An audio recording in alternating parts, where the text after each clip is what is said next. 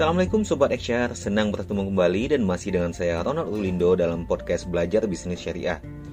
Sobat XR, di episode-episode sebelumnya kita sudah membahas tentang produk pendanaan bank syariah dengan akad mudharabah, mulai dari konsep dan struktur produknya, kategorinya, dan mekanisme distribusi hasil usahanya.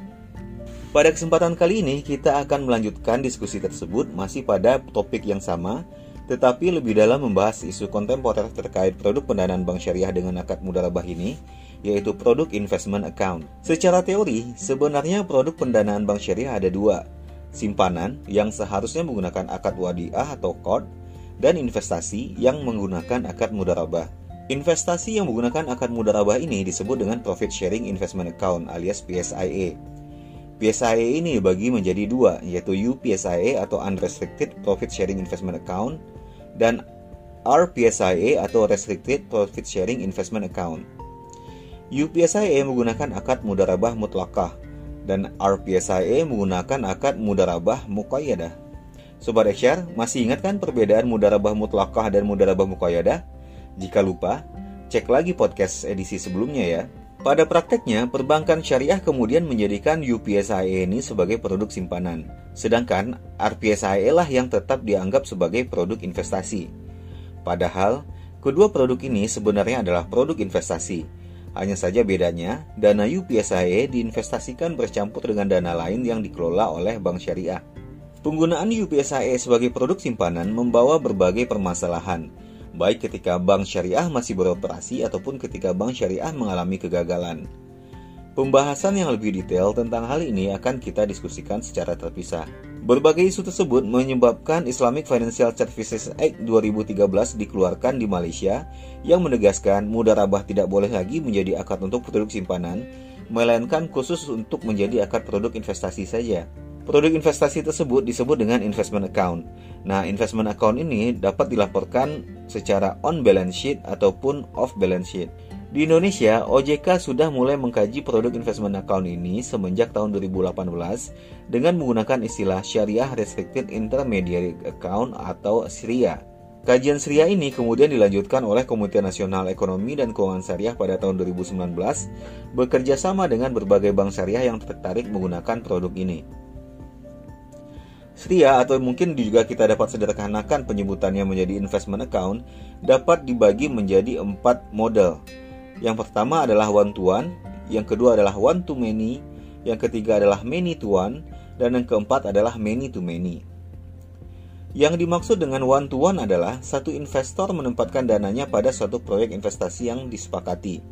Pada one to many, satu investor menempatkan dananya pada lebih dari satu proyek, tapi masih dalam satu kumpulan portfolio investasi yang disepakati. Di sisi lain, konsep many to one, sejumlah investor berinvestasi pada satu proyek yang disepakati.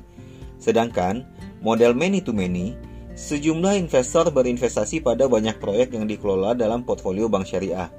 Nah, Sobat XR, Investment account model many to many inilah yang dapat kita kategorikan sebagai UPSIA ataupun berdasarkan mudarabah mutlakah. Sobat eksat sekalian, investment account ini menggunakan mekanisme distribusi bagi hasil profit sharing. Tidak boleh menggunakan metode bagi hasil net revenue sharing. Sebagai insentif, OJK hanya mengenakan ATMR 1% terhadap pembiayaan yang didanai oleh investment account ini.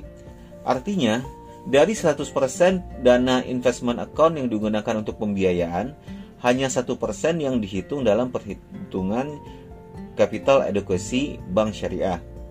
Hanya saja, produk investment account ini masih kesulitan untuk dieksekusi oleh perbankan syariah di Indonesia. Alasannya, regulasi yang ada masih tidak mendukung kecuali ketentuan tentang ATMR yang satu persen itu tadi. Misalkan, dari 100 juta dana investor, tidak seluruhnya dapat diinvestasikan. Sebagian dipotong untuk kebutuhan giro wajib minimum, pembayaran premi penjaminan simpanan, pencadangan baik itu pencadangan untuk pembiayaan bermasalah seperti PPAP atau CKPN, kemudian pencadangan terkait likuiditas dan lain sebagainya. Alhasil, dana investasi tersebut tidak bisa disalurkan seluruhnya untuk tujuan investasi. Berbeda dengan sukuk atau reksadana di pasar modal misalnya, yang dapat diinvestasikan jumlahnya secara keseluruhan, sehingga berpeluang mendapatkan return yang lebih besar.